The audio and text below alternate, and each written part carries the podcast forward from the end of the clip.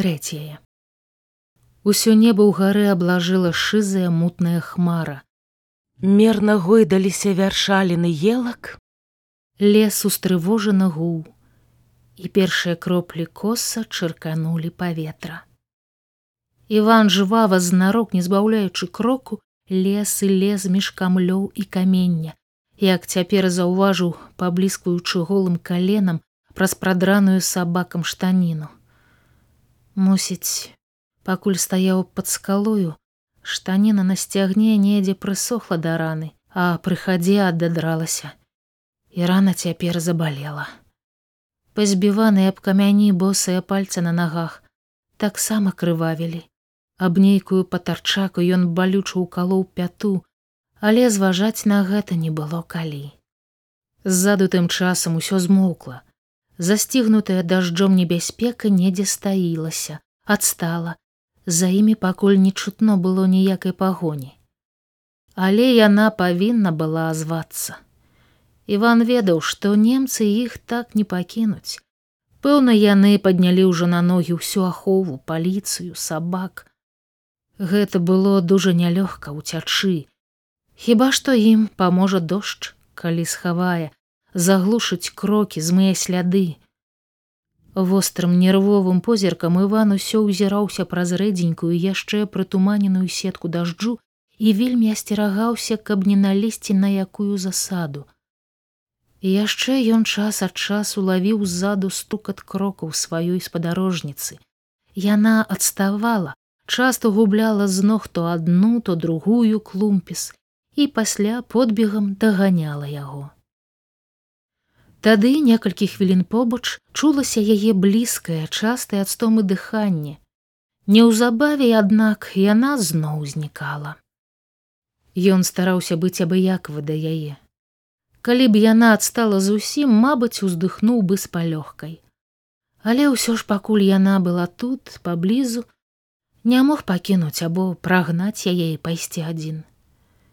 І ён толькі думаў, і адкуль яе на ліха прыбіла да яго. Глядзі ты, вырвалася з завода, дагнала, Ужо нашто ён хутка шыбаваў авось не адстала ж. Хоць ён нямала часу патраціў на сабак, добра яшчэ, што прамарудзілі, не наляцелі на той раўчук немцы. Дожджык тым часам усё гусцеў, усё шчыльней ахутваў у лясістыя горы цёплы туман. Гэта радавала яго. Так лягчэй было зашыцца ў лесе. Схаваць свой след ад сабак, як мага далей адысці ад горада толькі под дажджом ісці было дужа нязручна. Ушчэнт мокрая куртка агідна абліпала цела, штаніны таксама вымаклі аднізу, і ён падкасаў іх, як бывала касцы да калень. Спачатку ён з задавальненнем падумаў, што под дажджом прытушыцца, пацямнее яго паласатая, бачная здалёк стракатасць. Гэта і сапраўды сталася. Толькі праклятыя кругі мішэняў, намаляваныя клеявой фарбай. Па-ранейшаму тапырыліся на грудях, зусім не моклі і сталі яшчэ прыкметней на прыцямнела курцы.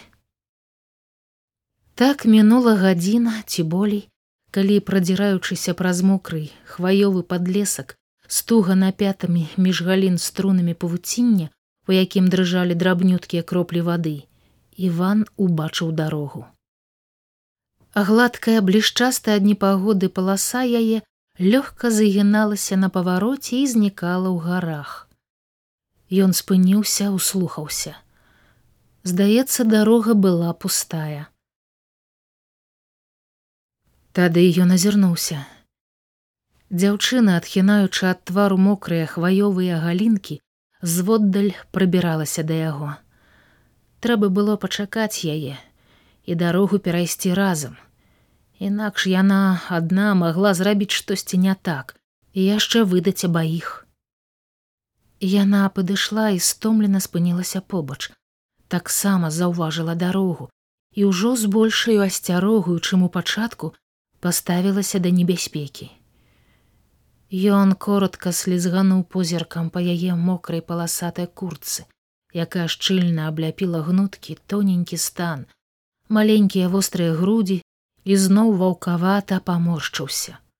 Так гэта не дастасавалася да таго рызыкоўнага становішча, у якім апынуліся яны.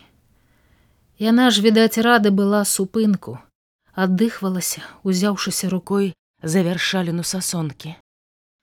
Другой вылила з калодак ваду і стомлена, хоць і не дужа клапотна уздыхнула.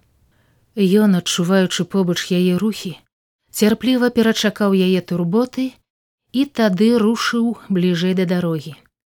Яна прыціхла і пэўна змораная, падалася за ім. Ля дарогі ён зноў спыніўся, укленчыў за каменем, паўзіраўся, пасля ўстаў, выскачыў да забетаніраванага кювета. Поўны спрыту і адчування небяспекі прыгнуўся, гукнуў: ідзі сюды і падаў ёй руку. Яна без слоў ухапілася за яго пальцы, скокнула, глухо стукнуўшы аб бетон калодкай. Ён коротко кінуў: скідай. Яна здагадалася, зняла дзеравяшкі і падхапіла іх свабоднай рукой. Так, пабраўшыся за руки, яны выбеглі на мокрыя бетонныя пліты дарогі. Дожджык дробненька сыпаў і хутка змываў мокрыя іх сляды. Яны перабеглі на другі бок, і ён выпусціў яе руку.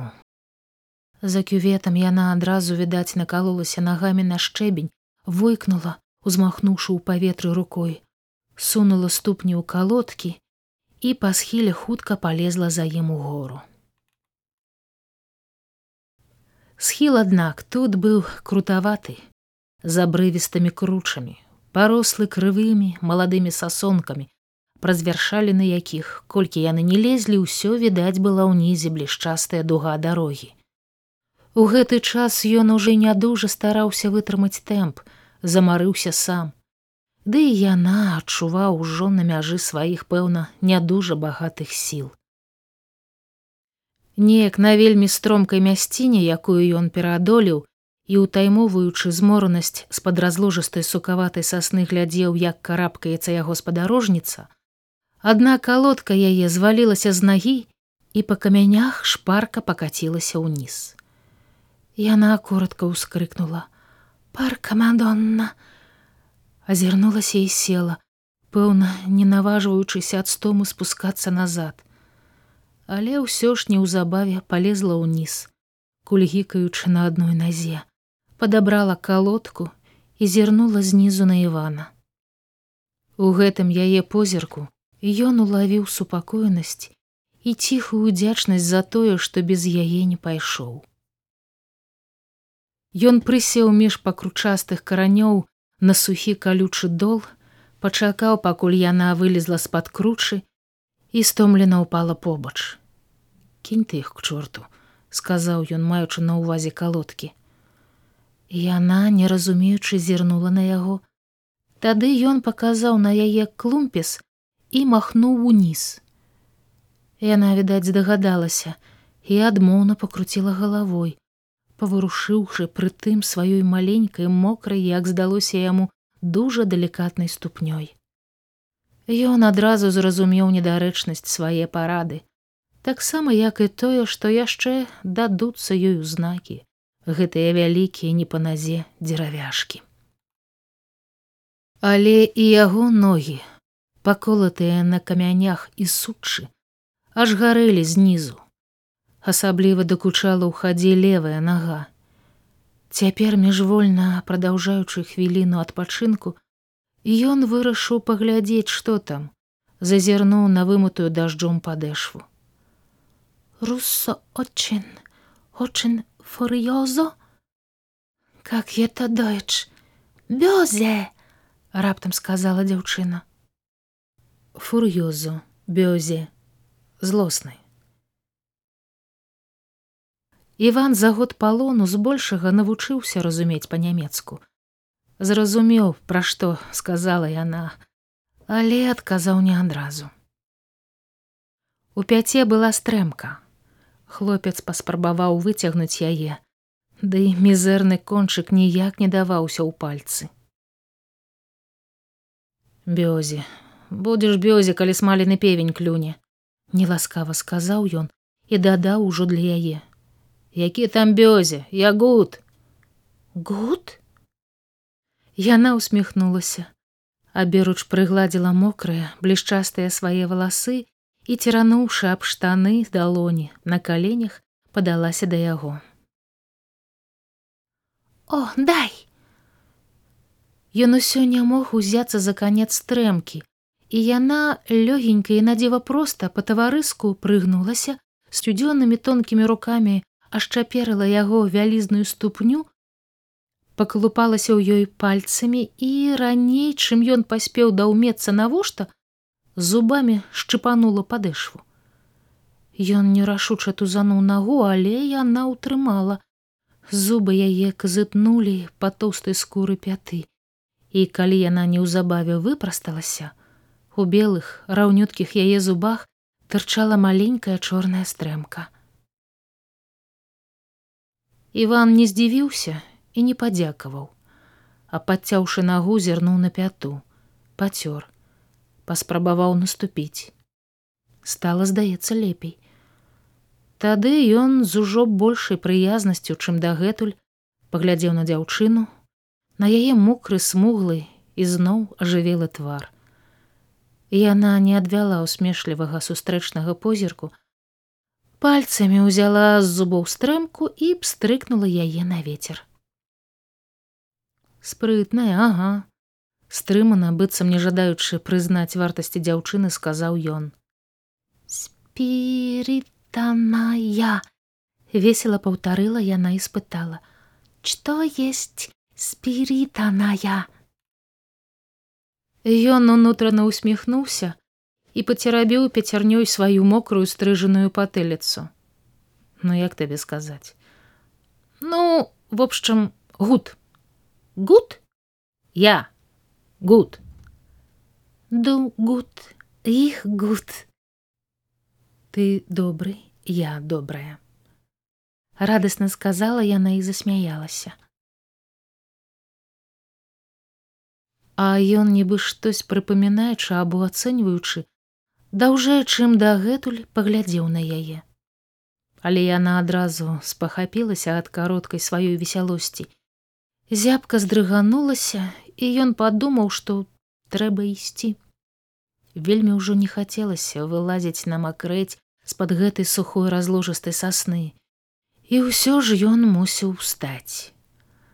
Дождж дружна сыпаў навокал.